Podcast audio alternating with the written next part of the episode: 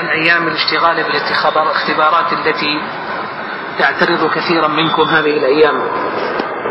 درس التعارض والترجيح أو التعارض بين الأدلة أو التعادل والتراجيح كما يعنون لها بعض الأصوليين هو أحد المباحث التي تقع عادة في كتب الأصول في أخريات التصانيف. وسبب ذلك أن هذا الباب إنما يأتي في الأخريات لأنه متوقف على فهم وإتقان وإدراك ما سبقه من أبواب.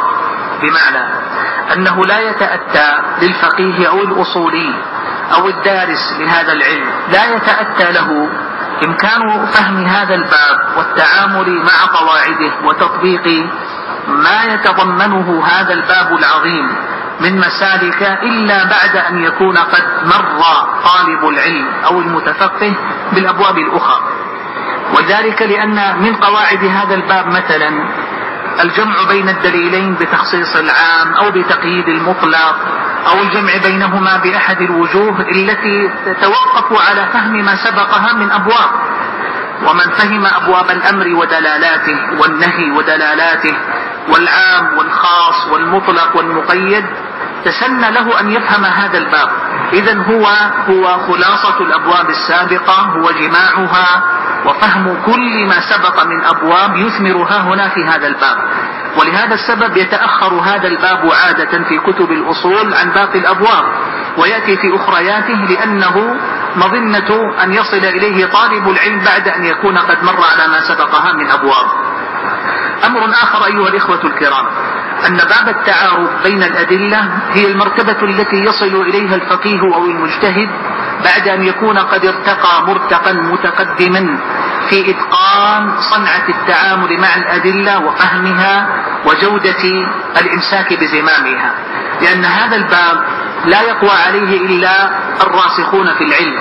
من آتاهم الله عز وجل بسطة في العلم وفقها وإدراكا وعمقا في إدراك أسرار الشريعة ومقاصدها والإحاطة بأدلتها.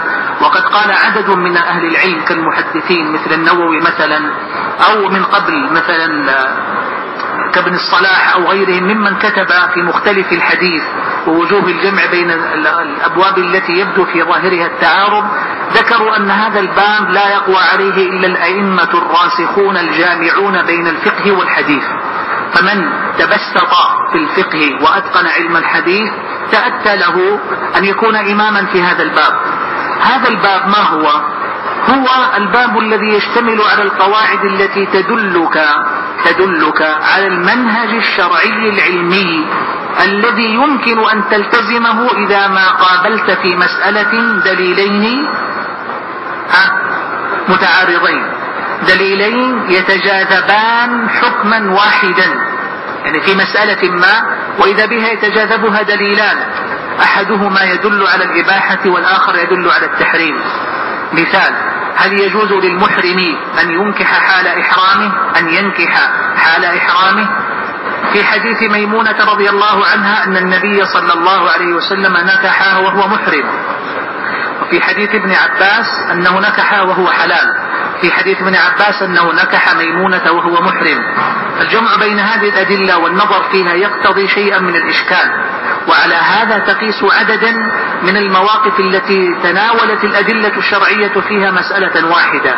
هل صلى النبي صلى الله عليه وسلم داخل الكعبة عام الفتح لما دخلها؟ اختلف في ذلك راويان. أسامة بن زيد وعبد الله بن عمر أو بلال فيقول أحدهما صلى والثاني يقول ما صلى. فلما يبدو لك إشكال في مسألة واحدة يتجاذبها أكثر من دليل. أين صلى النبي صلى الله عليه وسلم صلاة الظهر يوم النحر في حجة الوداع؟ لما رمى جمرة العقبة يوم العيد وحلق رأسه ونحر هديه وأتى البيت وطاف طواف الإفاضة وسعى ثم صلى الظهر. هل صلاها بمكة أو صلاها بمنى؟ حديثان صحيحان يدلان على دلالتين مختلفتين. هذا مثال لما نحن بصدد الحديث عنه في هذا الباب. فما هو المنهج وما هو السبيل الذي يقف عليه طالب العلم ليزول عنه هذا الإشكال؟ المسألة متعلقة باستنباط أحكام وهنا يجب على الفقيه أن يكون له منهج علمي متضح للتعامل مع مثل هذه الأدلة فيأتي الأصوليون بهذا الباب المهم فيقاعدون جملة من القواعد تعين على التعامل مع هذا الجنس من الأدلة الذي يتجاذب مسألة واحدة. قبل الخوض والبدء في تفاصيل المسألة ها هنا تنبيهان مهمان. أولهما أن الإشكال أو التعارض القائم بين الأدلة إنما هو في ظاهر الأمر لا في حقيقته. فكل ما يقول عنه الأصوليون والفقهاء تعارض بين الأدلة أو اختلاف بين الأدلة في حكم واحد كل هذا مقيد عندهم بأن الإشكال أو الاختلاف أو التعارض إنما هو في ظاهر الأمر بحسب ما يبدو للمجتهد في نظره وإلا فإن الأمر في حقيقته في حقيقته محال محال. أن يكون فيه تعارض أو اصطدام أو تنازع لأن الشريعة أحكمت. والله قد قال لنبيه صلى الله عليه وسلم اليوم أكملت لكم دينكم وأتممت عليكم نعمتي ورضيت لكم الإسلام دينا. والله عز وجل هو القائل كتاب أحكمت آياته. ثم فصلت من لدن حكيم خبير. فالكتاب المحكم والشريعة الكاملة محال أن يعتورها نقص أو اعتراض أو اختلاف أو اضطراب. وقد قال الله عز وجل أيضا للأمة أفلا يتدبرون القرآن؟ ولو كان من عند غير الله لوجدوا فيه اختلافا كثيرا. فمن ها هنا ومن عمومات الأدلة ومن مسلمات الشريعة أنه يستحيل أن يقوم تعارض حقيقي بين أدلة الشريعة. محال أن يكون هناك تنازع بين دليلين فأكثر على مسألة واحدة. ما هو إذن؟ يقولون هو تعارض أو إشكال ظاهري. في ظاهر الأمر في ظاهر المسألة لا في حقيقتها. في بادئ النظر عند المجتهد لا في حقيقة الأمر ونفسه. ولذلك تعين تعين أن يمعن المجتهد والفقيه النظر في مثل هذه الأدلة ليستبين له الصواب في المسألة وطريق الحق فيها. هذا التنبيه الأول. أما التنبيه الآخر فهو يؤكد لك أهمية العناية بهذا الباب عند طلبة العلم ولما أفرد له الأصوليون أبوابا مستقلة وهو أن لن أستعمل مصطلح الاختلاف أو التعارض وهو أن تجاذب تجاذب الأدلة للحكم الواحد وارد كثيرا في أحكام الشريعة. ولهذا يعد من أكبر أسباب الاختلاف بين الفقهاء في مختلف أبواب الشريعة. من أكبر أسباب الاختلاف هو التنازع هو التنازع في دلالة الدليل الواحد على أكثر من مسألة. وأيضا تجاذب المسألة الواحدة لأكثر من دليل. فرق بين النقطتين. قلت قبل قليل احتمال الدليل الواحد لأكثر من فهم واستنباط. هذا أحد أسباب الاختلاف. يعني كلاهما كلا الفقيهين أو المذهبين يستدلان بدليل واحد. لكن الدليل يحتمل أكثر من فهم وأكثر من استنباط وأكثر من دلالة. فيكون هذا سببا. فليس الدليل هو سبب الاختلاف وإنما هو طريقة الفهم والاستنباط واجتهاد الفقيه هو الذي أدى إلى الاختلاف. هذا أحد الأسباب.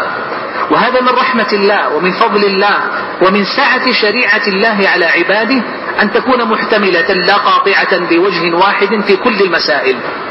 وليبقى مساحة متسعة لبذل الجهد ونيل الأجر بين فقهاء الأمة ومجتهديها. النقطة الثانية هي أن المسألة الواحدة يتجاذبها أحيانا أكثر من دليل. المسألة الواحدة ربما استدل لها الفقهاء بأكثر من دليل. يعني مثلا لما يقول الحنفية إن المبيت بمنى ليالي أيام التشريق ليس بواجب ويستدلون بترخيص النبي صلى الله عليه وسلم للرعاة وللسقاة في ترك المبيت ليالي أيام التشريق بمنى. ولو كان واجبا ما أذن لهم ولا رخص لهم. ويستدل الجمهور بالوجوب على الوجوب بالدليل نفسه أنه إنما رخص لهؤلاء لأعذارهم. فدل على أن غير المعذور يبقى على الأصل وهو العزيمة وعدم الترخص له. ولو جمعت غير ذلك من الأدلة لألفيت عددا من الأدلة والمسألة واحدة وقس على ذلك كل قضية وقع فيها خلاف بين الفقهاء. فعادت المسألة إلى ماذا؟ إلى هذا الأصل الكبير أن الحكم الواحد يتجاذبه أكثر من دليل. هل مس الذكر باليد مباشرة ينقض الوضوء؟ من مس ذكره فليتوضأ حديث يحتج به. ولما سئل عليه الصلاة والسلام عن نقض الوضوء من مس الذكر قال إنما هو بضعة منك يعني قطعة منك أو جزء من بدنك فكيف يكون مسه ناقضا على سبيل الإجابة بالنفي؟ فهذان دليلان على مسألة واحدة يفهم من أحدهما أنه ينقض ومن الآخر أنه لا ينقض وعلى هذا أقول ستجد مسائل شتى فيها اختلاف بين الفقهاء ناشئ عن تجاذب الأدلة وتنازعها بالحكم الواحد. ها هنا يبقى دور الفقيه الذي فهم هذا الباب وأحسن إدراك قواعده. كيف يتعامل مع هذه الأدلة؟ ولماذا صار هذا الفقيه إلى ذلك الدليل فقال به وما جوابه عن الدليل الآخر وبالعكس؟ هذا الباب العظيم الكبير هو الحقيقة ميدان عظيم من ميادين الاجتهاد بين الفقهاء في المسائل الخلافية. ومن أوسع النظر وقلبه في مسائل الخلاف بين الفقهاء في العبادات أو المعاملات أو الجنايات ونحوها سيجد أن من أكبر أسباب الخلاف القضية المشار إليها آنفا. إمام كابن رشد في بداية المجتهد مثلا وهو يعتني في صدر كل مسألة يريدها بعدما يصورها قبل أن يورد الخلاف والأدلة عادة ما يعمد رحمه الله إلى ذكر سبب الخلاف في هذه المسألة على وجه الإجمال. فلا تكاد تخلو مسألة عنده رحمه الله من الإشارة إلى هذا السبب وهو اختلاف الأدلة حول هذه القضية حول هذه المسألة. فتلمس إذا أنه تقرر عند الفقهاء أن هذا الباب مهم. لكل من أراد أن يتقن الفقه الخلافي الفقه المقارن الخلاف بين الفقهاء. من أراد أن يبحث مسألة فيها خلاف وفيها تعدد مذاهب لا يسعه إلا أن يحكم هذا الباب. وبالتالي ستنفتح له الأبواب تباعا وبقدر الممارسة والمكنة والدربة سيقوى المجتهد على فهم المسائل الخلافية وعلى الصيرورة إلى القول الراجح بأدلته إن شاء الله تعالى. هذا الباب يشتمل على صور كما سيريده الشيخ رحمه الله وعلى عدد من القواعد. سنقرأ مقدمة الشيخ ثم نعرض للقواعد على وجه الإجمال ونقرأها تفصيلا كما أوردها الشيخ رحمه الله. نعم. بسم الله الرحمن الرحيم. الحمد لله رب العالمين والصلاة والسلام على أشرف الأنبياء والمرسلين نبينا محمد وعلى آله وصحبه أجمعين. يقول المصنف رحمه الله وغفر له ولشيخنا وللسامعين التعارض تعريفه التعارض لغة التقابل والتمانع واصطلاحا تقابل الدليلين بحيث, بحيث يخالف أحدهما الآخر. قلت لكم بعض الأصوليين يعنون بالتعادل. فهل التعارض بين الأدلة هو التعادل بينها؟ على قولين أحدهما يقول نعم والثاني يفرق. الثاني يفرق بحيث يرى أن التعارض أوسع وأعم. فكل خلاف بين دليلين وتنازع وتجاذب بين دليلين حول مسألة واحدة هو تعارض. فإن أمكن تفضيل أحدهما أو ترجيح أحدهما على الآخر زال التعارض. وإن لم يمكن وتساويا واعتدلت كفتا الدليلين أصبحا متعادلين. فهذا هو التعادل. نعم. وأقسام التعارض أربعة. طيب الآن الشيخ رحمه الله سيعرض لك قواعد هذا الباب على صيغة الصور والحالات. وأنا سأريحك الآن فأعطيك تقسيما ينسحب على كل الصور والحالات ولا يتشتت بك الفهم. طرق دفع التعارض بين الأدلة الشرعية عند الفقهاء منحصر في ثلاثة أشياء. إما الجمع بين الأدلة أو الترجيح بينها أو نسخ أحدهما للآخر. ثلاثة طرق الجمع أو الترجيح أو النسخ. ليس ثمة مسلك رابع يستخدمه الفقهاء والأصوليون لكنهم يختلفون في ترتيب هذه الطرق بأيها يبدأ.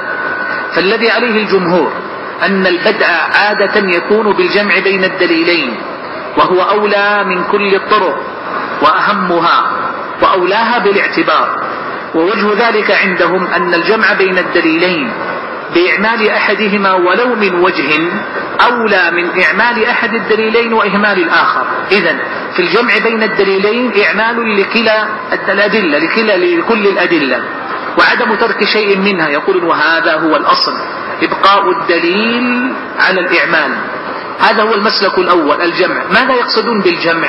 الجمع بمعنى أن تبدي جوابا مقبولا مقنعا تحمل فيه أحد الدليلين على معنى والآخر على معنى آخر ينتفي معه التعارض والإشكال. يقول عليه الصلاة والسلام لا عدوى ولا طيرة ولا هامة ولا صخر. فنفى العدوى نفيا صريحا لا عدوى. ينفيه عليه الصلاة والسلام. ولما سأله الأعرابي عن الإبل التي أصابها الجرب ومن أين أتاها؟ قال من إبل آخر. فلما قال له عليه الصلاة والسلام فمن أعدى الأول؟ وهو يفهمه أن العدوى حاصلة وواقعة. كيف تجمع بين نفيه للعدوى في قوله لا عدوى وبين قوله للأعرابي مقنعا له ومفهما وجود العدوى وحقيقتها ووجوب التحرز في التعامل. لما قال له فمن أعدى الأول؟ الجواب أن تقول إن النفي متوجه إلى معنى غير المعنى الذي توجه إليه الإثبات. لما قال عليه الصلاة والسلام لا عدوى أراد أن ينزع من قلب القوم ما تعلقت به اعتقاداتهم في الجاهلية قبل الإسلام أن ثمة أشياء مؤثرة بذاتها لا بتأثير الله. وأن العدوى شيء مؤثر. ألا ترى كيف نهى عليه الصلاة والسلام عن لبس التميمة وتعليق الحلقة واعتبرها اعتبرها من أمارات الجاهلية. انزعها فإنك لا تزيدك إلا وهنا. إنك إن مت وهي عليك مت ميتة جاهلية. هكذا كان ينفي عليه الصلاة والسلام اتخاذ التمائم والرقى واعتبارها مؤثرة بذاتها. فقال لا عدوى من هذا الباب. إياك أن تظن أن العدوى شيء مؤثر بنفسه وبذاته بل هو سبب. يقدره الله فإن شاء ترتب عليه الأثر وإن شاء سبحانه وقى صاحبه من الأثر. فكم جالس الصحيح مرضى فما, فما تعرض لشيء. والطبيب يمر عليه في اليوم عشرات ومئات المرضى ويعيش سليما أغلب أيامه ويمرض أحيانا. فلم لم يعتدي كل ليلة وهو يقابل المريض ويتنفس في وجهه ويتعامل معه مباشرة. فمن أعدى الأول إثبات لحقيقة العدوى وأنها موجودة. لكنها مؤثرة وهي سبب لتأثير الله عز وجل. هذا هو الجمع هذا مثال. أن تحمل أحد الدليلين المتعارضين على معنى ينتفي معه معارضته للدليل الآخر ينتفي معه الإشكال. طبعا طرق الجمع وأساليب الجمع متعددة. راجعة إلى ذكاء المجتهد وسعة فهمه وعبقريته في فهم النصوص والتعامل معها بحيث يمكنه أن يوجد معنى للدليل الأول يخالف معنى الدليل الآخر. لكن ركز أن يكون الجمع هذا مقبولا يعني غير متكلف ولا تعسف فيه. ولا يحتاج إلى لوي أعناق النصوص حتى يحمل نصا على معنى نص آخر. الجمع المعتبر المقبول. من الجمع المقبول أن لا يصادم لا يصادم دليلا صحيحا صريحا. يعني مثلا وضربت هذا المثال سابقا. المرأة في عدتها إذا توفى عنها زوجها كم تكون العدة؟ أربعة أشهر وعشرة أيام. فإن كانت حاملا حتى تضع حملها. لما تنظر إلى قوله تعالى وأولاة الأحمال أجلهن أن يضعن حملهن تكلم عن الحوامل. ولما تنظر إلى قوله تعالى والذين يتوفون منكم ويذرون أزواجا. هذه امرأة حامل متوفى عنها زوجها. الأصل أن تجمع بين الدليلين. الأصل لأنها حامل فتدخل في الآية الأولى. ولأنها متوفى عنها زوجها فتدخل في الآية الثانية. فمقتضى الجمع بين الدليلين هو الأثر المروي عن علي وابن عباس وقد ثبت رجوعهما عنه أنها تعتد بأبعد الأجلين. ينظر عند وفاة زوجها كم بقي من حملها. فإن كان الباقي من حملها أكثر من أربعة أشهر وعشرة أيام فعدتها بوضع الحمل. وإن كان الباقي من حملها أقل من أربعة أشهر وعشرة أيام فعدتها أربعة أشهر وعشرة أيام. تعتد بأبعد الأجلين جمع ما أجمله. يجمع بين الدليلين المتعارضين في المسألة. لاحظ دليلان تجاذبا مسألة واحدة وهذا جمع جدا جيد. ومقبول تماما لولا أنه صادم حديث سبيعة الأسلمية لما توفي عنها زوجها وهي حامل فما لبثت أن وضعت حملها فأخبرها رسول الله عليه الصلاة والسلام أنها قد حلت من عدتها وأذن لها بالتزوج من اليوم الثاني مباشرة. ففهمنا أن العدة ما هي؟ هي وضع الحمل مباشرة. فذلك الجمع أصبح غير مقبول لما؟ لأنه صادم نصا في المسألة واضحا. هذا عموما ما يتعلق بالقاعدة الأولى وهي الجمع بين الدليلين المتعارضين ما أمكن الجمع ما أمكن يعني من غير تكلف ما أمكن يعني إن لم يصادم نصا صريحا في المسألة يأبى ذلك الجمع تلك الصورة. وجوه الجمع متعددة. تخصيص العام يعني حمل العام على الخاص وجه من وجوه الجمع.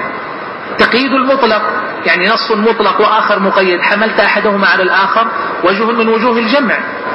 كذلك القول في تبيين المجمل الحمل باختلاف الأحوال الجمع باختلاف الأشخاص الجمع باختلاف الزمان كل ذلك من وجوه الجمع المتعددة عند الفقهاء.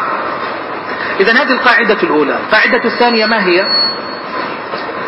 قلنا الجمع يبقى النسخ والترجيح. قلنا الجمهور يقدمون الجمع أولا ثم يثنون بقاعدة النسخ إن أمكن وثبت دليله. تقدم معكم فصل النسخ وعرفتم قواعده وعرفتم شروطه فلا داعي لإعادته الآن هنا. لكن النسخ متى دل عليه الدليل وعلم التاريخ ولم يمكن الجمع. هذه هذا شرط الجمهور أن النسخ إذا تعذر الجمع فالنسخ مقدم. يقدم النسخ فتقول هذا النص متقدم وهذا متأخر وأيهما سيكون ناسخا للآخر؟ المتأخر ينسخ المتقدم وهكذا. فإن لم يمكن النسخ ما عرف التاريخ وجهل أو لم تقم قرينة قوية على أن أحدهما ناسخ للآخر ننتقل إلى المرتبة الثالثة وهي الترجيح. الترجيح بين الدليلين بمعنى تقوية أحدهما على الآخر. البحث عن مزية يترجح بها كفة أحد الدليلين على كفة الآخر. الترجيح هذا تارة يكون إلى الدليل نفسه. بالنظر إلى سنده إن كان حديثا نبويا. بالنظر إلى متنه إن كان له دلالة واضحة. بالنظر إلى الحكم المستنبط منه. ولهذا يقسم الأصوليون وجوه الترجيح إلى الترجيح باعتبار السند الترجيح باعتبار المتن الترجيح باعتبار الدلالة الترجيح باعتبار أمر خارجي فأربعة وجوه للترجيح. الترجيح بكثرة الطرق. في رواية الحديث أحد الوجوه. الترجيح بكثرة الرواة. الترجيح بصحة الحديث ودرجته في الصحة على غيره. الترجيح وكثيرة هي الوجوه أوصلها أوصلها ابتداء الحازمي في الاعتبار في الناسخ والمنسوخ إلى أكثر من خمسين وجها. ثم جاء ابن الصلاح فأوصلها إلى أكثر من مئة وعشرة أوجه وقال ولا يزال وراء ذلك وجوه متعددة. ولا يزال عند الأصولين والفقهاء وجوه من الترجيح لا انتهاء لها. في حديث ميمونة مع حديث ابن عباس هل نكح النبي عليه الصلاة والسلام وهو محرم أو نكح وهو حلال؟ من وجوه الترجيح عند المحدثين والفقهاء في المسألة أن حديث ميمونة أولى بأن يصار إليه لأنها صاحبة القصة وهي صاحبة الشأن وهي التي تزوجها النبي عليه الصلاة والسلام. هذا من وجوه الترجيح. من وجوه الترجيح أيضا أن حديثها يؤيده حديث أبي رافع. وأبو رافع مولى رسول الله صلى الله عليه وسلم. فإذا أصبح مع رواية حديث ميمونة رواية أخرى هو حديث أبي رافع. إذا غلب حديث ابن عباس.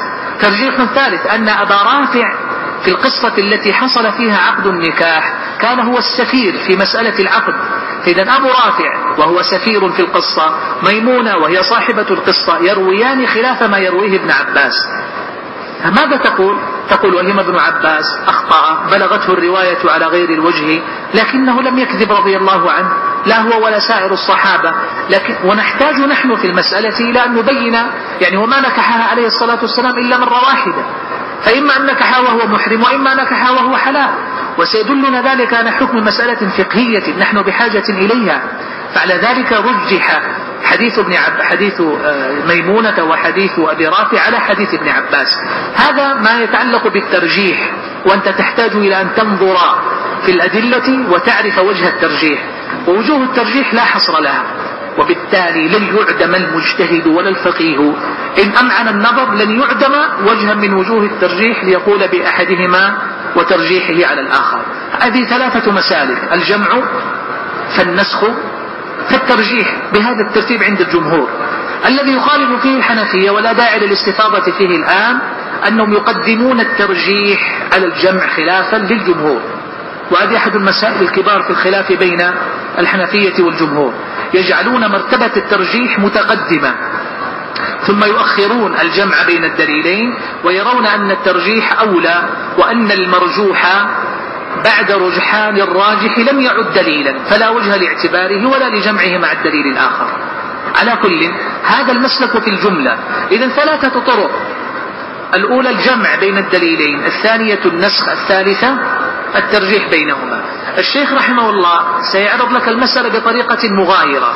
يقول الدليلان إما أن يكونا عامين أو يكونا خاصين أو يكون أحدهما عاما والآخر خاصا وتحت كل صورة سيرتب لك الترتيب ذاته سيقول لك ابدأ بالجمع ثم بالنسخ ثم بالترجيح. وأنت أردت أن تختصر قل لا فرق بين أن يكون الدليلان عامين أو يكون خاصين أو يكون أحدهما عاما والآخر خاصا. ستعمل نفس الأسلوب ستقرأ والشيخ سيعرض أمثلة لكل ما سيأتي إنما الصورة واحدة والمنهج المتبع فيها واحد. نعم. وأقسام وأقسام التعارض أربعة. الأول أن يكون بين دليلين عامين وله أربع حالات. أربع حالات. إما أن يجمع بينهما وإما أن ينسخ أحدهما الآخر وإما ما الرابعة الرابع يقول التوقف. يعني إذا عجز المجتهد والفقيه في المرتبة الثالثة أن يرجح. فماذا يعمل؟ ما معنى يتوقف؟ يعني لا حكم له في المسألة ويقف عن القول فيها بحكم ما. هذه المرتبة يريدها الفقهاء ويتكلم عنها الأصوليون ويصرحون بأنها مرتبة صورية شكلية لا يعمل بها. ليش لا يعمل بها؟ لأنه لن يعدم المجتهد وجها من وجوه الترجيح بين الدليلين. وبالتالي فمسألة التوقف هذه شكلية صورية. فإذا أردنا أن نستريح ونلخص الكلام نقول هي كم؟ ثلاث حالات وهي التي بدأنا بها الكلام. إما جمع أو تنسخ أو ترجيح. نعم.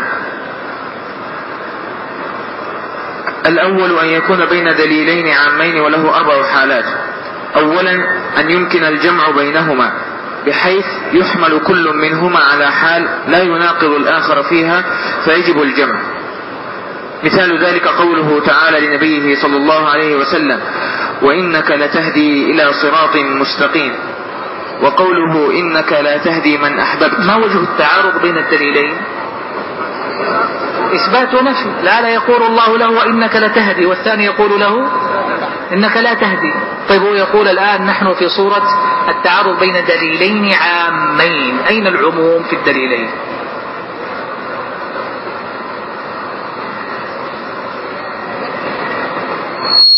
الآية ليست خاصة برسول الله عليه الصلاة والسلام. فكيف تقول عموم؟ ها؟ تهدي يعني الفعل مطلق والمطلق خاص وليس عاما. كان العموم؟ حذف المفعول جيد. وإنك لتهدي. تهدي من؟ الأمة.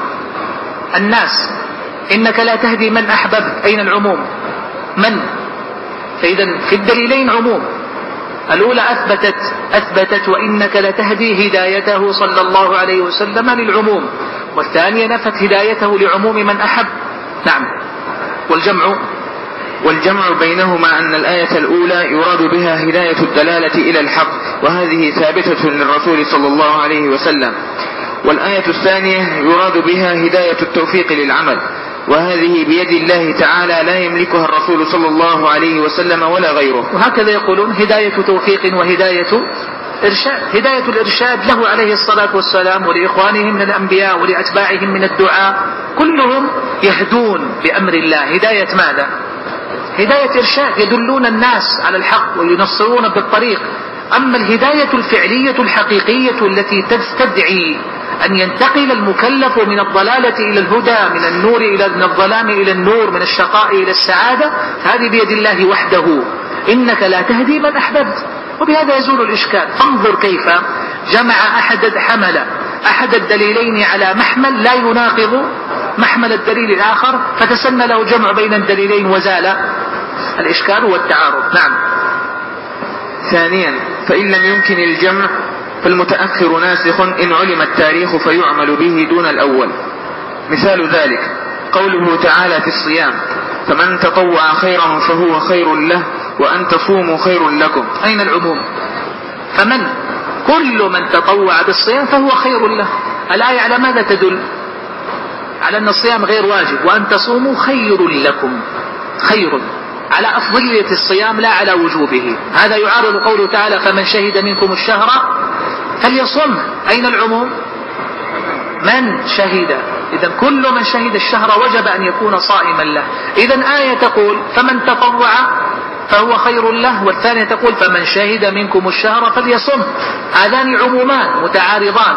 لا تستطيع أن تجمع بينهما. لا تقول صيام رمضان واجب أحيانا غير واجب أحيانا. لكن الآية حملت على النسخ. نعم.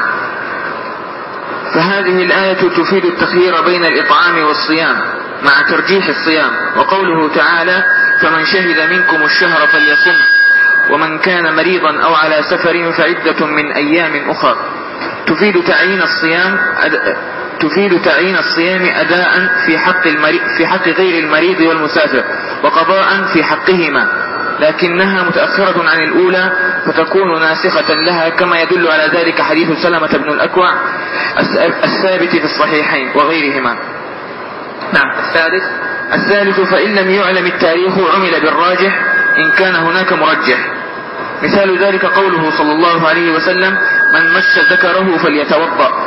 وسئل صلى الله عليه وسلم عن الرجل يمس ذكره عليه الوضوء, عليه الوضوء قال لا إنما هو, إنما هو بضعة منك. طيب ارفع رأسك أنت وهو.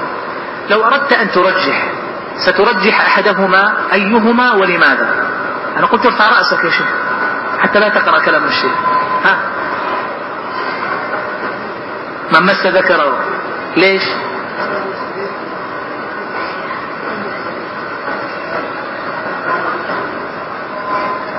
طيب. كيف تجمع؟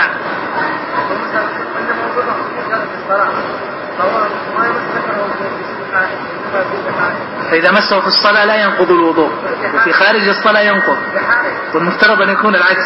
طيب ها؟ بحائل وبغير حائل ها؟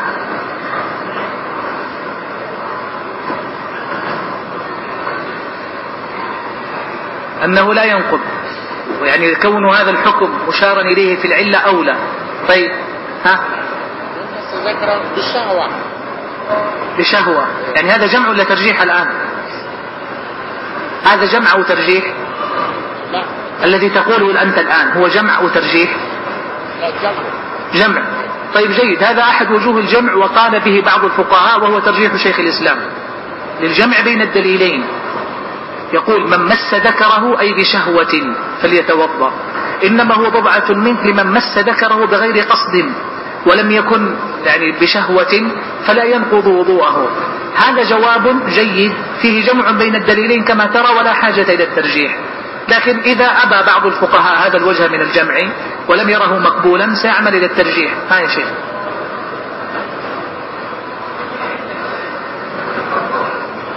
يعني كما قال الشيخ هي مسألة ترجيح إنما وضعة منك بعدم نقضه للوضوء لأنه تضمن مع الحكم الإشارة إلى العلة. وهذا أحيانا أحد وجوه الترجيح يعني الحكم نص اشتمل على الحكم مع الدلالة إلى العلة والآخر اشتمل على الحكم وحده فقط. طيب ها؟ ها؟ ناسخ يعني. هذا نسخ. الشيخ يقول بالنسخ. يقول حديث بسرة بن صفوان كان متقدما وحديث طلق متأخر فهو ناسخ لحديثها. ها؟ ها؟ الحديثان مقبولان يعني في في سياق الاحتجاج. هذا طبعا لو ثبت أن أحد الدليلين صحيح والآخر ضعيف سيكون جواب مباشرة بترك الضعيف والاحتجاج بالصحيح ولا يسمى هذا ترجيحا. ماذا يسمى هذا. ماذا يسمى هذا؟ يعني إذا جئت بين دليلين وبعد البحث اكتشفت أن أحدهما صحيح والآخر ضعيف. فأترك الضعيف وأعمل بالصحيح. هذا ماذا يسمى؟ الذكي يجاوب الآن. هل هو جمع أو ترجيح أو نسخ؟ ها؟ ما هو إذن؟ يعني؟ طب نصه معه نص آخر. إذا تقول لا تعارض. أصلا في مثل هذه الصورة لا إشكال ولا تعارض. لما؟ لأن الدليل الضعيف. وجوده كعدمه ولا اعتبار به ولا يلتفت إليه. طبعا هذا الضعيف الذي لا يرقى إلى الاحتجاج ولا بجمع الوجوه ولا بكثرة الطرق. إذا إذا بلغ هذا الحد فمثل هذا لا عبرة به ولا ينظر إليه. والشافعي رحمه الله في كتابه الجليل مختلف الحديث كان ينص كثيرا على هذه القاعدة أن الدليل الحديث إذا لم يثبت فلا حاجة إلى النظر فيه ولا إلى الاشتغال به. طيب في حديث مرة أخرى في حديث من مس ذكره وحديث إنما هو بضعة منك. ها؟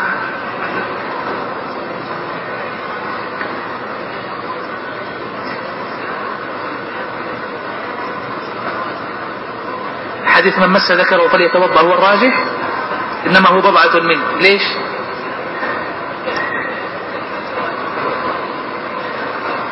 طيب ها؟ اللي هو العلة أو الإشارة إلى التعليل.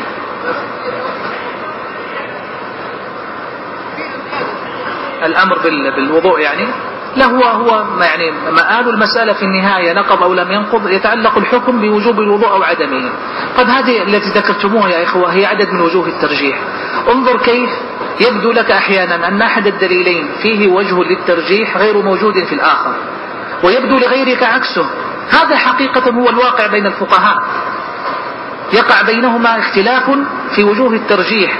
فإذا كان أحد الفقهاء مذهبه عدم نقض الوضوء من مس الذكر فسيجد وجوها لترجيح الدليل.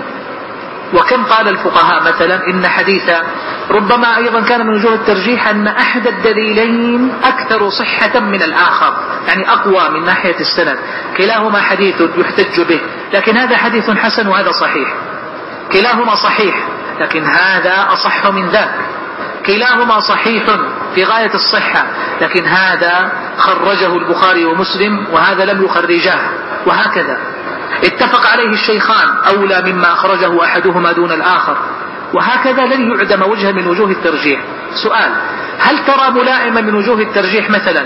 أن تقول إن حديث من مس ذكره فليتوضأ روته بشرة بنت صفوان وهي امرأة. وحديث إنما هو بضعة منك رواه طلق بن عدي وهو رجل. والقضية تختص بالرجال فأن يكون من رواية الرجل أولى مما كان من رواية المرأة. إن قضية ذكورية تختص بالرجال مثلا. هل هذا وجه من وجوه الترجيح؟ لا لا عبرة به لأنه متقرر أن في أمور نقل الرواية وحفظ الدين لا فرق فيه بين ذكر وأنثى ومثل هذا لا مدخل فيه الوجوه الترلي لأحد وجوه الترجيح. الذي ذكرتموه وغيره كله ذكر الفقهاء.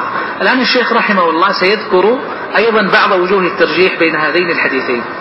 نعم فيرجح فيرجح الأول يعني, يعني حديث من مس ذكره فليتوضأ. نعم. فيرجح الأول لأنه أحوط. هذا أحد وجوه الترجيح. ما معنى أحوط؟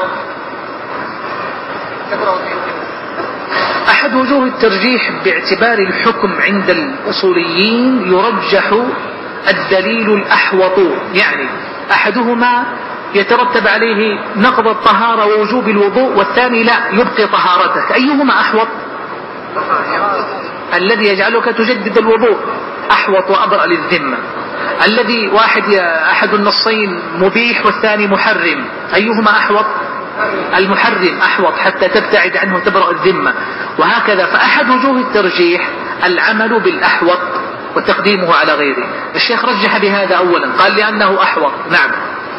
ولأنه أكثر طرقا. هذا وجه آخر أن رواية الحديث من حيث عدد الطرق هو أكثر من طرق الحديث الآخر. نعم. ومصححوه أكثر. هذا وجه ثالث أن من صحح حديث من مس ذكره من المحدثين أكثر ممن صحح حديث إنما هو بضعة منك. ولأنه ناقل عن الأصل هذه أربعة وجوه رجح بها الشيخ. معنى ناقل عن الأصل أنك لو قلت إنما هو بضعة منك ماذا يقتضي؟ يعني الوضوء أو عدم الوضوء؟ عدم الوضوء أو عدم اعتباره ناقضا. هل هو الأصل أو خلاف الأصل؟ يعني الأصل أن مس الكتاب وحك الأنف ولبس الثياب ينقض الوضوء أو لا ينقض. الأصل في التعامل مع الأشياء لا تنقض الوضوء. لماذا اعتبرنا النوم ناقضا والبول ناقضا وخروج الريح ناقضا؟ لوجود الدليل عليها. ممتاز. إذا الأصل الأصل اعتبار الشيء ناقضا أو عدم اعتباره؟ عدم اعتباره. هذا هو الأصل. وخلاف الأصل ما هو؟ أن تعتبره ناقضا. من وجوه الترجيح ترجيح ترجيح الناقل عن الأصل على المبقي عليه. ليش؟ يقول المبقي على الأصل أنا ما أحتاج فيه إلى دليل. أنا لا أحتاج إلى دليل إنما وضعته يعني لو لم يأتني هذا الحديث وما في خلاف المسألة. هل أحتاج أن أبحث عن دليل أن مس الذكر لا ينقض الوضوء؟ ما أحتاج إليه. يعني لو قال لك إنسان ائتني بدليل أن حك الأنف لا ينقض الوضوء ما دليلك؟ أنه الأصل. لو قال لك إنسان ائتني بدليل أن كشف غطاء الرأس ينقض الوضوء. ما في هذا على الأصل. يقول الأصوليون إذا تعارض دليلان فالناقل عن الأصل مقدم. ليش؟ قال لأن فيه زيادة حكم لأن فيه علما جديدا. أما المبقي على الأصل فهو على الأصل وجوده لم يؤثر في الحكم. فحتى لو لم يرد فعملنا بالأصل يفضي إلى الحكم نفسه. لكن الناقل عن الأصل فيه زيادة علم وفيه حكم جديد. فالشيخ رحمه الله رجح بما ذكر وأنت ترى أن هذا مثال فقط لتعرف أن الأصوليين والفقهاء يعمدون إلى الترجيح بين الأدلة متى تعارضت. رابعا. رابعا فإن لم, فإن لم يوجد مرجح وجب التوقف ولا يوجد له مثال صحيح. طيب إذا اقتصرنا على ثلاثة طرق الجمع فالنسخ فالترجيح كل هذا ذكره الشيخ تحت صورة إذا ما كان النصان عامين. نعم القسم الثاني. القسم الثاني أن يكون التعارض بين خاصين فله أربع حالات أيضا. هي نفسها السابقة. ولذلك قلت لو أتيت إلى المسألة بداية وتصورتها من ناحية القواعد فقلت الجمع فالنسخ فالترجيح. ولا فرق بين أن يكون الصور بين عامين أو بين خاصين أو نحوهما لأن المؤدى في النهاية واحد. نعم. أولا أن يكون الجمع بينهما يمكن. أن يمكن الجمع بينهما فيجب الجمع. مثال حديث جابر رضي الله عنه في صفة حج النبي صلى الله عليه وسلم. أن النبي صلى الله عليه وسلم صلى الظهر يوم النحر بمكة.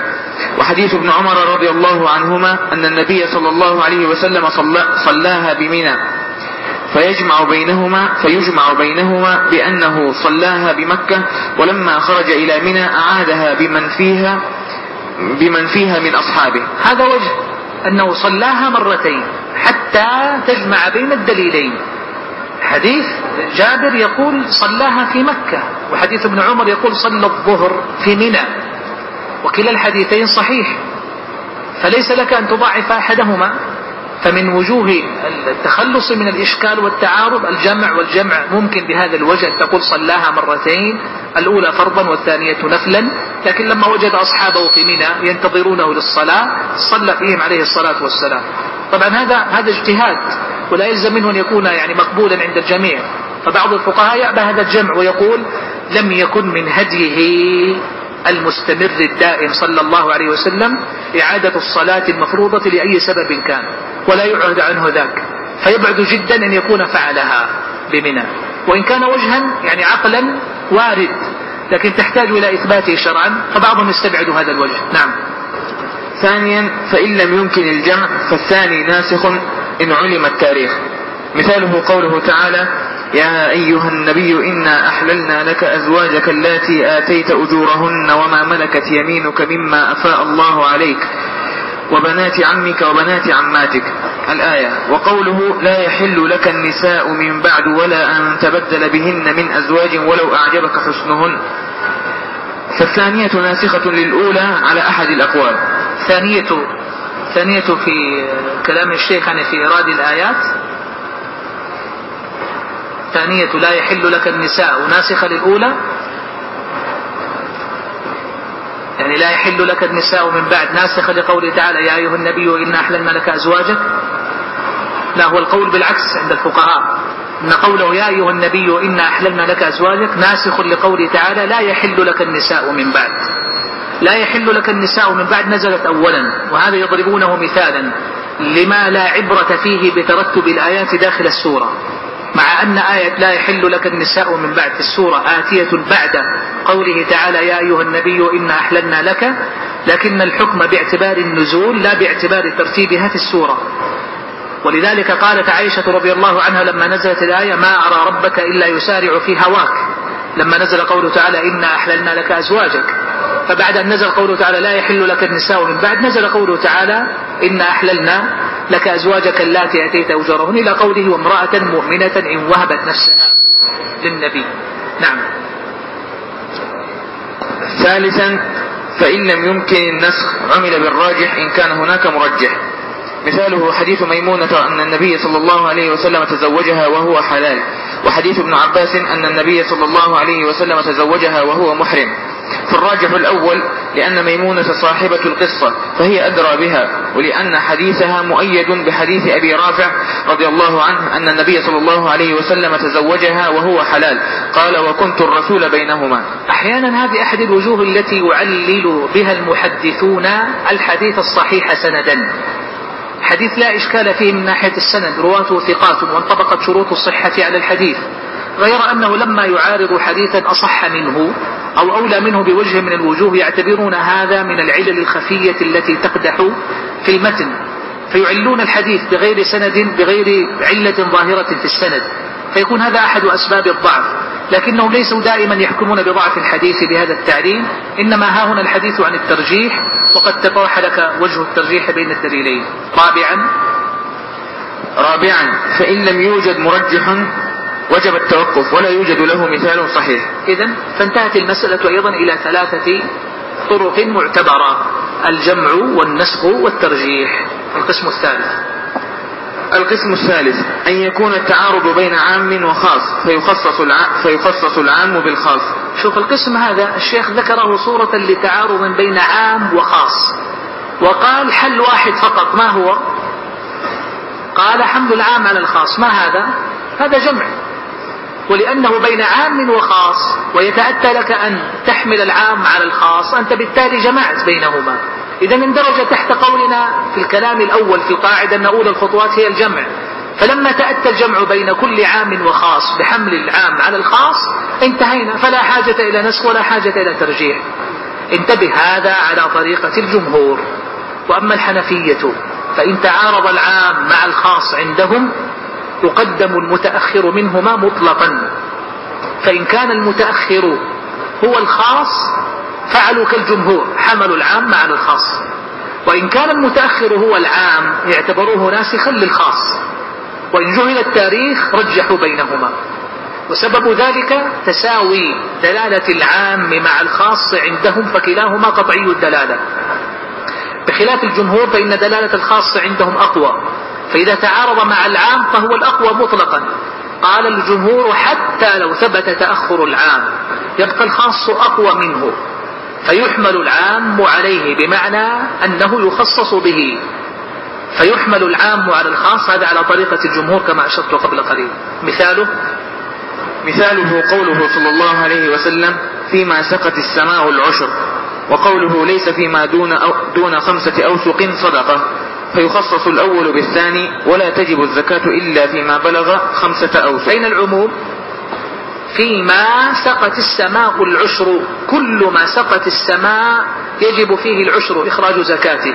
فلا فرق في ذلك بين كثير أو قليل. الخضروات والفواكه. ال الذي يتجاوز خمسة أوسق والذي لا يتجاوز. فلما جاء قوله عليه الصلاة والسلام ليس فيما دون خمسة أوسق صدقة أخرج هذا القدر. أي قدر؟ خمسة أوسق فأقل. أقل من خمسة أوسق. لا صدقة فيه. طيب وما زاد؟ يبقى على العموم فيما سقت السماء العشر. فماذا فعلنا؟ أخرجنا هذا الحديث الخاص من العام وأبقينا باقي العام على دلالته وهو حقيقة التخصيص. ما تعرف التخصيص؟ قصر العام على بعض أفراده أو هو إخراج بعض أفراد العام من دلالته. أخرجت بعض الأفراد أقل من خمسة أوسق أخرجتها وأبقيت العام فيما وراء ذلك. القسم الرابع. القسم الرابع أن يكون التعارض بين نصين أحدهما أعم من الآخر من وجه وأخص من وجه فله ثلاث حالات. هذا يسميه الأصوليون العموم والخصوص الوجهي. العموم والخصوص بين دليلين صورتان. العموم والخصوص المطلق بمعنى أحد الدليلين يكون عاما مطلقا والثاني يكون خاصا مطلقا. والقاعدة في هذا جلية واضحة أن العبرة بالخاص ويقدم على العام ويخصص به. هذا الصورة التي مرت قبل قليل. الصورة الآن الثانية العام والخاص الوجهي بمعنى أن الدليل الواحد عام من وجه خاص من وجه والدليل الآخر مثله عام من وجه خاص من وجه. العبارة بطريقة أخرى كل واحد من الدليلين فيه عموم وفيه خصوص. فليس أحدهما عاما دائما ولا الثاني خاصا دائما. بالمثال يتضح قوله صلى الله عليه وسلم لا صلاة بعد الصبح حتى تطلع الشمس ولا صلاة بعد الحصر حتى تغرب الشمس. أين العموم؟ لا صلاة ما صيغته؟ نكر في سياق النفي. لا صلاة في سياق النهي. لا صلاة نهى عليه الصلاة والسلام عن أداء أي صلاة في هذا الوقت بعد الصبح وبعد العصر. ما المنهي عنه أي صلاة؟ أي صلاة؟ كل الصلوات. فلا صلاة في هذا الوقت. وهو مخصص بوقت كما ترى ببعد الصبح حتى تشرق وبعد العصر حتى تغرب. يعارضه قوله صلى الله عليه وسلم إذا دخل أحدكم المسجد فلا يجلس حتى يصلي ركعتين. في عموم أين هو؟ إذا إذا ما هذا؟ أداة شرط. فكلما دخل أحدكم المسجد المسجد فليصلي فليصلي فليصلي. هذا عموم. كلما دخل المسجد. عموم في ماذا؟ في الوقت. عموم في الوقت. إذا إذا أداة شرط زمانية. يعني كلما دخل في أي وقت من الأوقات وجب أن يصلي. لكن أي صلاة هي المقصودة في الحديث؟ تحية المسجد. هي ركز معي. الحديث الأول عام في الصلاة خاص في الوقت. والثاني عام في الوقت خاص في الصلاة. الصورة محل الإشكال. رجل دخل المسجد بعد العصر. هل يصلي تحية المسجد أو لا يصلي؟ إن نظرت إلى حديث لا صلاة بعد العصر سيكون الحكم لا يصلي. وإذا نظرت إلى حديث إذا دخل أحدكم المسجد فلا يجلس حتى يصلي ركعتين ستقول يصلي. هذا مثال عملي تماما لمسألة تجاذبها دليلان. فلما أريد أن أطبق القواعد وأنت إذا قلت لي لا لا لا هذا عام وهذا خاص وأنا سأخصص هذا عفوا. إذا كنت ترى أن هذا فيه عموم فالثاني أيضا فيه عموم. في هذه الصورة ماذا يفعل الفقهاء؟ ينظرون إلى أقوى العمومين فيحفظونه وإلى أضعفهما فيخصصونه. كيف يعني؟ ينظرون إلى عموم هذا وإلى عموم هذا. دعونا في هذا المثال. قالوا حديث لا صلاة بعد الصبح ولا صلاة بعد العصر مع عموم عموم تناوله التخصيص في أكثر من صورة. ألا ترى أن الفائتة الصلاة الفائتة التي تفوت على صاحبها يصليها ولو كان في هذا الوقت؟ بلى. كذلك من نام عن صلاته أو نسيها الصلاة المنسية هي أيضا مثلها تصلى. أيضا يدخل في في المستثنيات صلاة سنة الفجر بعد الفجر. أليست مما ثبت جوازه لمن فاتته السنة؟ إذا هي مخصص من هذا النهي. صلاة ركعتي الطواف. يا بني عبد مناف لا تمنعوا أحدا طاف بهذا البيت وصلى فيه أي ساعة شاء. يدخل في هذا الوقت ولا ما يدخل؟ يقولون فهذا العموم لا صلاة بعد الصبح. ثبت تخصيصه أكثر من مرة. خصص بالفائتة وبالمنسية وبالمنذورة وبالمقضية وبصلاة ركعتي تحية المسجد وبصلاة سنة الفجر. بعد العصر صلى عليه الصلاة والسلام سنة الظهر التي شغلهما عنه وفد عبد القيس فصلاها بعد العصر. ثبت التخصيص. طيب هذه واحدة. تعال الحديث الثاني. إذا دخل أحدكم المسجد فلا يجلس. هذا عموم. بحثنا فما وجدنا تخصيصا يساعد على اختراق هذا العموم. بل وجدت ما يؤكد هذا العموم ويحافظ عليه يدخل رجل يوم الجمعة والنبي صلى الله عليه وسلم يخطب فيجلس فيقطع خطبته ويخاطبه ويقول له أصليت يا فلان؟ فيقول لا يقول قم فصل ركعتين. هذا لا يؤكد لك قوة ذلك العموم والحفاظ عليه. طيب هذا لما تنظر بين العمومين أيهما أقوى في نظرك؟ يقولون عموم إذا دخل أحدكم المسجد عموم محفوظ. والآخر مخرق بعبارة الفقهاء. عموم كثر تخريقه يعني كثرت الاستثناءات حتى تخرق. فلما فلما تكون مضطرا إلى تخصيص أحدهما بالآخر فماذا ستعمل؟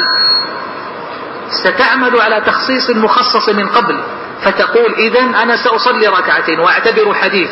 لا صلاة بعد الصبح عموم مخصص لأنه كثر تخصيصه من قبل. هذا مسلك. وهو قول من يقول من الفقهاء إن صلاة تحية المسجد تؤدى ولو بعد الصبح أو بعد العصر. طيب من يقول من الفقهاء لا ما تصلي ماذا يفعل؟ ترك الجمع وعمد إلى الترجيح. وقال حديث الصلاة يأمرك بأدائها وحديث النهي يمنعك. وإذا تعارض أمر ونهي قدم النهي لأنه أحوط. فهذا ترجيح مع كونه وجيها لكنك ستقول طالما أمكن الجمع فعلى طريقة الجمهور هو أولى من الترجيح. هذا مثال. ولك أن تقيس عليه عددا من التطبيقات الفقهية. هذا مثال لما يسميه الأصوليون التعارض بين عام وخاص من وجه. فأنت تنظر في كلا الدليلين عموم وخصوص لكنه عموم وجهي يعني من وجه دون وجه وعندئذ ستنظر تابع كيف عرض الشيخ رحمه الله المسألة. نعم. القسم الرابع أن يكون التعارض بين نصين أحدهما أعم من الآخر من وجه وأخص من وجه فله ثلاث حالات. أولا أن يقوم دليل على تخصيص عموم أحدهما بالآخر فيخصص به. مثاله قوله تعالى والذين يتوفون منكم ويذرون أزواجا يتربصن بأنفسهن أربعة أشهر وعشرا وقول وقوله أين العموم فيه؟ في عموم النساء اللاتي توفي عنهن أزواجهن سواء كانت حاملا أو حائلا.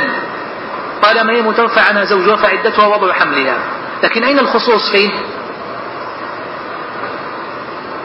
أنها عدة وفاة. عدة وفاة ليست عدة طلاق. نعم. وقوله وولاة, وولاة الأحمال أجلهن أن يضعن حملهن. أين العموم فيه؟ كل حامل سواء كانت عدة وفاة أو عدة طلاق. فإن عدتها بوضع الحمل. والخصوص فيه أنها حامل فلا يتناول غيرها من النساء. نعم. فالأولى خاصة في المتوفى عنها عامة في الحامل وغيرها والثانية خاصة في الحامل عامة في المتوفى عنها وغيرها, وغيرها. نعم. لكن دل الدليل على تخصيص عموم انظر كيف الأولى تعارض الدليلان. الجهة التي فيها عموم في الدليل الأول يقابله خصوص في الدليل الثاني وبالعكس الدليل الثاني الجهة التي فيها العموم يقابلها الخصوص في الدليل الأول. فعندئذ أنت مضطر لأن تخصص أحدهما بالآخر. فماذا ستعمل؟ قال هذه صورة ثبت عندنا بدليل وهو حديث سبيعة كما مر سيأتي الآن. بدليل حديث سبيعة قدمنا قوله تعالى وأولاة الأحمال. لو لم يأتي حديث سبيعة لصرت مضطرا إما إلى الجمع بطريقة أخرى أو إلى القول بالترجيح. نعم. لكن دل الدليل على تخصيص عموم الأولى بالثانية وذلك أن سبيعة الأسلمية وضعت بعد وفاة زوجها بليال فأذن لها النبي صلى الله عليه وسلم أن تتزوج. وعلى هذا فتكون عدة الحامل إلى وضع الحمل سواء كانت متوفى عنها أم غيرها أم غيرها. نعم. الثاني وإن لم يقم دليل على تخصيص عموم أحدهما بالآخر عمل بالراجح. مثال ذلك قوله صلى الله عليه وسلم إذا دخل أحدكم المسجد فلا يجلس حتى يصلي ركعتين. وقوله لا صلاة بعد الصبح حتى تطلع الشمس ولا صلاة بعد العصر حتى تغرب الشمس. فالأول خاص في تحية المسجد عام في الوقت والثاني خاص في الوقت عام في الصلاة يشمل تحية المسجد وغيرها. لكن الراجح تخصيص عموم الثاني بالأول فتجوز تحية المسجد في الأوقات المنهية عن عم المنهية عن عموم الصلاة فيها وإنما رجحنا ذلك لأن تخصيص عموم عموم الثاني قد ثبت بغير تحية المسجد كقضاء المفروضة وإعادة الجمعة فضعف عمومه. الجماعة. وإعادة الجماعة فضعف عمومه. إعادة الجماعة يعني لمن أراد أن يتصدق على من فاتته الجماعة. فماذا لو كان الداخل في المسجد يبحث عن جماعة في صلاة الفجر أو صلاة عصر؟ ودخل المسجد وأراد أحد أن يتصدق ليصلي معه فيكسبه أجر الجماعة. السؤال ها هنا هل يصح له أو لا يصح؟ قوله عليه الصلاة والسلام من يتصدق على هذا؟ ثبت في بعض طرق الحديث أنه كان بعد صلاة العصر. فهو وقت نهي. فلما قال من يتصدق على هذا دل على جواز أن يصلي صلاة في وقت نهي وهي في حقه نافلة. فلما ثبت تخصيص هذا العموم بأكثر من وجه ولك أن تضيف ركعتي الطواف ولك أن تضيف سنة الفجر لمن لم يصليها قبل الفجر أو سنة الظهر بعدها لمن شغل عنها بعد العصر كل ذلك ثبت. فمجموع ذلك يدل على أن تخصيص حديث لا صلاة بعد الصبح ولا صلاة بعد العصر قد ثبت بأكثر من دليل. فضعف عمومه. نعم. الثالث وإن لم يقم دليل طيب آه، مثال آخر لهذه الصورة حديث من بدل دينه فاقتلوه. من بدل دينه فاقتلوه. أين العموم؟ من بدل فيشمل الرجل والمرأة المرتد والمرتدة فيكون حكمهما القتل. فالرجل إذا ارتد كفر فوجب إقامة حد الردة عليه والمرأة مثله. يتعارض هذا مع نهيه صلى الله عليه وسلم عن قتل النساء والصبيان. نهى عن قتل النساء المشركات في القتل. نهى عن قتل النساء والتعرض لهن. نهى عن قتل النساء النساء عام. فيشمل المرتدة وغيرها. وذاك الأول عام في المرتدين والمرتدات لكنه خاص بحال الردة. الثاني عام في النساء عام في النساء. لكنه أيضا مختص بالمرأة التي نص عليها الحديث خاص بالنساء. لكنه عام في كونها مرتدة وغير مرتدة. الصورة محل الإشكال. امرأة ارتدت. إن طبقت حديث من بدل دينه فاقتلوه. ينطبق عليها. وإن طبقت حديث نهى عن قتل النساء والصبيان أيضا يتناولها. فأي الدليلين أولى؟ ولا تستطيع أن تقول تحمل العام على الخاص لأن كلاهما فيه عموم تندرج فيه المرأة. تماما كالمرأة الحامل المتوفى عنها زوجها. إن أتيت إلى آية الحمل دخلت فيه وإن أتيت إلى آية الوفاة دخلت فيه. فهنا مثال واضح لحديثين فيهما عموم وخصوص من وجه. عموم النساء يشمل المرتدات وغير المرتدات. عموم المرتدين يشمل النساء والرجال. فعموم هذا يقابله خصوص ذاك وعموم الثاني يقابله خصوص الأول وهنا يجتهد الفقهاء في إيجاد أي الدليلين أولى وترجيحه فيعمل به. نعم ثالث الثالث وإن لم يقم دليل ولا مرجح لتخصيص عموم أحدهما بالثاني وجب, وجب العمل بكل منهما فيما لا يتعارضان فيه والتوقف في الصورة التي يتعارضان فيها. لكن لا يمكن التعارض. أيضا, أيضا ذكر الشيخ صورة التوقف لأنه ذكر في الصور السابقة لكنها كما قلت صورة شكلية لا حقيقة لها. نعم. لكن لا يمكن التعارض بين النصوص في نفس الأمر على وجه لا يمكن فيه الجمع ولا النسخ ولا الترجيح لأن النصوص لا تتناقض والرسول صلى الله عليه وسلم قد بين وبلغ. ولكن قد يقع ذلك بحسب, بحسب, بحسب نظر المجتهد لقصوره والله أعلم. خلاصة القول يا إخوة أن التعارض بين الأدلة باب خصب لكنه ممتع في الوقت نفسه لطالب العلم أن يقلب النظر في صنيع الفقهاء رحمهم الله وهم يوجدون أوجه الجمع أو الترجيح أو النسخ. بقي أن تعلم أن كل من كتب في الفقه الخلافي الذي نسميه الفقه المقارن بين اختلاف المذاهب فإنه مضطر إلى أن يأتي في المسائل التي هي محل خلاف وتنازع أدلة مضطر لأن يورد مثل هذا الخلاف ويأتي بالجواب ويعمد إلى بيان الوجه الذي فضل أو رجح أو عمل فيه بأحد الدليلين على الآخر. ستجد هذا ثريا في المغني لابن قدامة في المجموع للنووي وتكملته للمطيع مثلا في فتح القدير لابن الهمام في بداية المجتهد لابن رشد وغيرها من الكتب التي تناولت خلاف الفقهاء.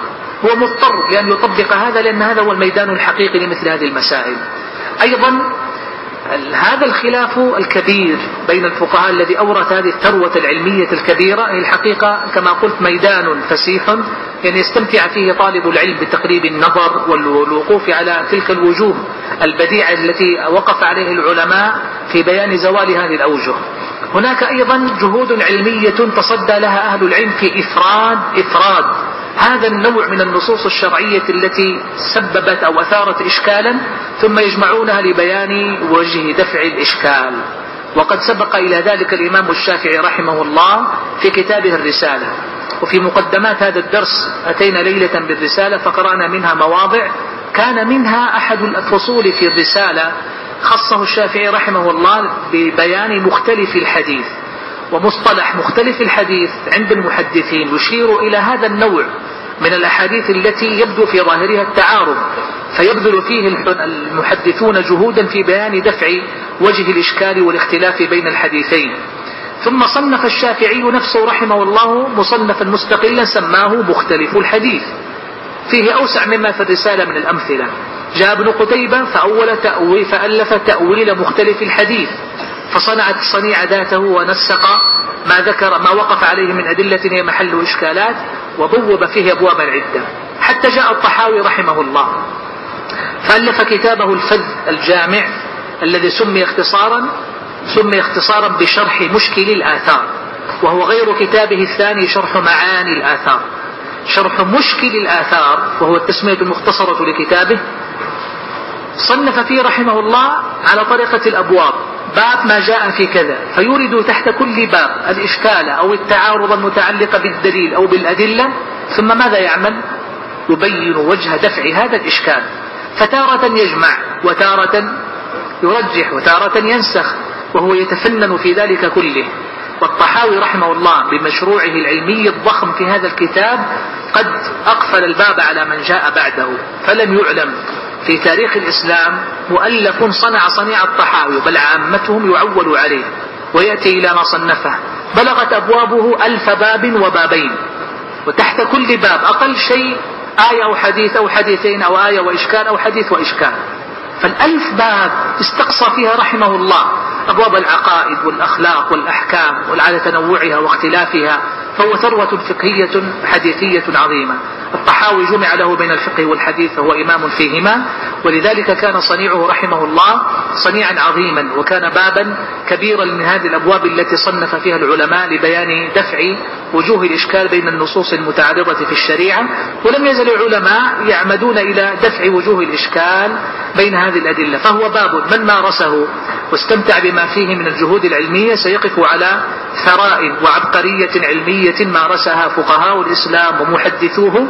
عبر القرون لزوال أو لإزالة الإشكال المتوهم بين نصوص الشريعة وإبقائها على الحفظ والصيانة. نختم بالصفحة الباقية في الترتيب بين الأدلة لأنها تبع للتعارض المذكور. الترتيب بين الأدلة. إذا اتفقت الأدلة السابقة الكتاب والسنة والإجماع والقياس على حكم أو انفرد أحدها من غير معارض وجب إثباته. وإن تعارضت وأمكن الجمع وجب الجمع. وإن لم يمكن الجمع عمل بالنسخ وإن تمت شروطه. وإن لم يمكن النسخ وجب الترجيح. هذا خلاصة ما سبق في الباب الذي انتهينا منه قبل قليل. يريد أن يبين لك بعض وجوه الترجيح في كيف تقدم أحد الدليلين على الآخر من ناحية الدلالة. نعم. وإن لم يمكن النسخ. وإن لم يمكن النسخ وجب الترجيح. فيرجح من الكتاب والسنة النص على الظاهر. لما؟ لأنه أقوى دلالة. النص ما هو؟ ما لا يحتمل إلا معنى واحدا والظاهر ما احتمل معنيين فأكثر هو في أحدها أظهر. إذا ثمة احتمال يشارك الدلالة الظاهرة وإن كانت بنسبة واحد في المئة لكن ليست بقوة الدليل الذي لا يحتمل إلا معنى واحدا قاطعا. فما كان أقوى في الدلالة وجب ترجيحه على غيره. نعم. والظاهر على المؤول. لما؟ أيضا لأنه أقوى. كيف؟ الظاهر حمل اللفظ على حقيقته حمل الحقيقة العمل بها العام بعمومه والحقيقة على المجاز. لكن المؤول هو أن تحمله إلى معنى آخر خلاف الظاهر ولكن بدليل. ما تصرفه عن ظاهر اللفظ إلا بدليل. فما, فما كان محمولا على معنى لا يحتاج إلى دليل أولى أو ما يحمل على المعنى بدليل هو أولى من غير دليل لأنه أقوى ولهذا يقدم الظاهر على المؤول. نعم. والمنطوق على المفهوم. لما؟ منطوق صريح. هو دلالة النص في محل النطق كما يقولون. والمفهوم غير صريح. ولك أن تقول أن المنطوق دلالة لفظية والمفهوم دلالة عقلية. طيب مفهوم الموافقة أم مفهوم المخالفة؟ أيهما أولى؟ ليش؟ مفهوم موافقة كلاهما مفهوم يعني دلالة عقلية. فلماذا يقدم الموافقة على المخالفة؟ لا يعني كلها مفاهيم. كلها ما ما تناولها النص. كلها كلا كلا المفهومين تثبت فيه حكما للمسكوت. لكن واحد تعطي المسكوت حكم المنطوق والثاني تعطي المسكوت خلاف حكم المنطوق.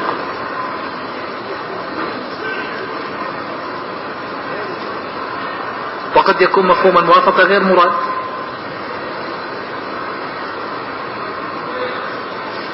لا تقول مفهوم الموافقة أقوى ليش؟ أحيانا مفهوم الموافقة أحيانا يكون أولى. يعني مثلنا بقوله تعالى فلا تقل لهما أف ولا تنهرهما. نهى عن التأفف فما حكم الضرب أو اللعن؟ هذا أولا مثل هذا النوع قلت لكم في درس القياس إن بعضهم يسميه القياس الجلي وهو في الحقيقة دلالة يعني منطوق تقريبا ما تحتاج إلى قياس ولا تسميه مفهوما. لكن هذا عند من يسميه قياسا هو القياس الجلي القوي جدا. لا هو مفهوم الموافقة عموما مقدم على المخالفة لأنه محل اتفاق. مفهوم المخالفة لا يحتج به الحنفية. فالمفهوم الذي يتفق عليه الجميع أولى مما يخالف فيه بعض الفقهاء. طيب والمثبت؟ والمثبت على النافي. لما يقدم المثبت على النافي؟ ها؟ يعني ها؟ يقول المثبت معه زيادة علم. واحد يقول صلى ركعتين داخل الكعبة عليه الصلاة والسلام والثاني يقول ما صلى. أيهما المثبت؟ الذي يقول إنه صلى. قال فيقدم حديثه. يقولون لأن المثبت معه زيادة علم. النافي يقول ما صلى يعني على الأصل إنه ما رآه صلى. فالذي يقول صلى رآه صلى فأخبر بصلاته. لكن بشرط ألا يكون حكم النافي مستندا إلى علم. يعني يقول أنا دخلت معه إلى أن خرج. وأنا متأكد انه ما صلى ولازمته فدخلت وأخذ جولة وخرج أو وقف ودعا ثم انصرف. فإذا كان بهذه المثابة فلا يصح أن تقول أن المثبت معه زيادة علم. فهي مقيدة لكنه في الجملة يعتبرون المثبت مقدم مقدما على النافي. نعم. والناقل عن الأصل على عن الأصل على المبقي عليه. يعني يقدم الناقل عن الأصل يقدم على المبقي على الأصل. مثلنا له بماذا؟ بحديث من مس ذكره فليتوضا مع حديث إنما هو بضعة منك. نعم. لأن الناقل لأن مع الناقل زيادة علم. والعام المحفوظ وهو الذي لم يخصص على غير المحفوظ. نعم.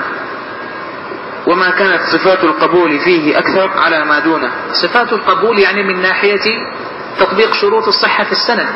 يعني عدالة أحد الرواة أكثر إتقان الرواة في أحد السندين أكثر عدد الرواة فيه أكثر هكذا. نعم. وصاحب القصة على غير حديث ميمونة مع حديث ابن عباس.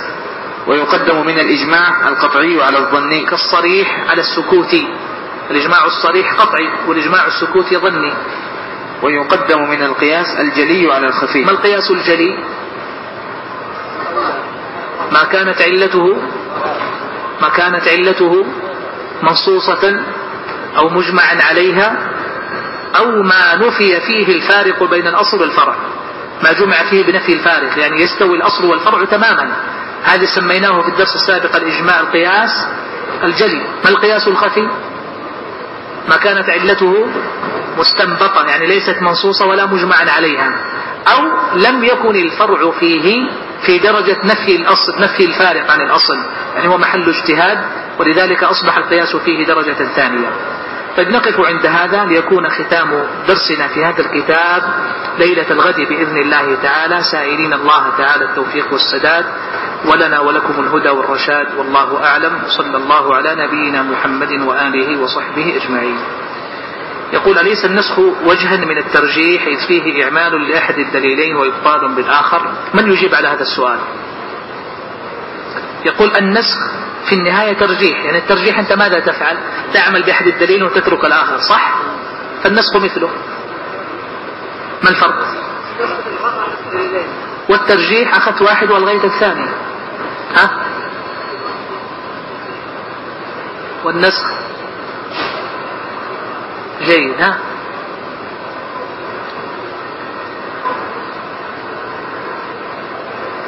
طيب.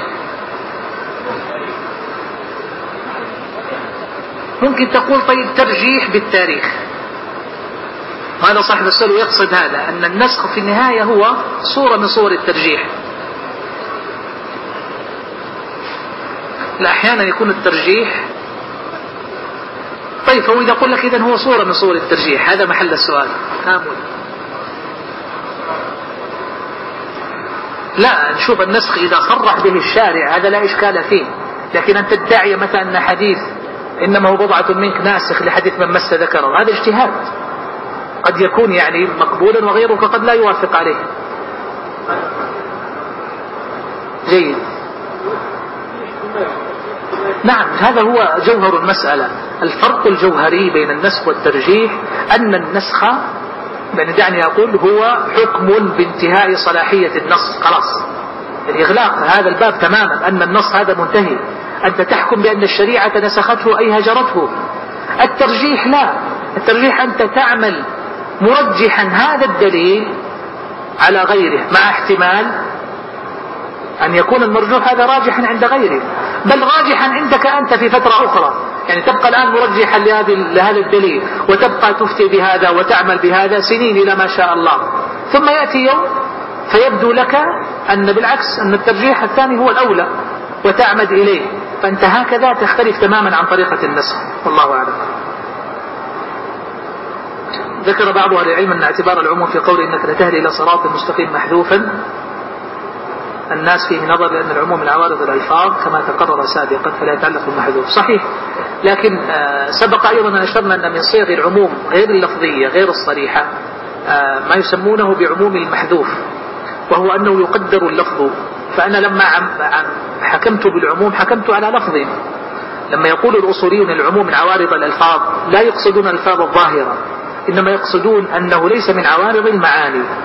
واللفظ المقدر ليس معنى هو لفظ في النهاية غير أنه في درجة دون اللفظ الصريح المذكور. فإذا صح فإذا صح تقدير اللفظ وثبت تفسير النص به أصبح لفظا لكنه مقدر. فإذا علقت العموم به علقته بلفظ فبقيت على القاعدة أن العموم من عوارض الألفاظ. ولهذا أحد الأبواب الخلافية في أبواب العموم ولم تمر معنا في الرسالة لأنها ليست من موضوعات الكتاب عموم المقتضى والمقتضى دلالة تقديرية يوردها الفقيه حسب اجتهاده فهي دلالة لفظية فمن رآها وعمل بها ليس لأنها معنى والخلاف لم ينشأ من كونه معنى أو لفظا لكن من كونه قابل للعموم أو لا. والله تعالى أعلم وصلى الله على نبينا محمد وآله وصحبه أجمعين.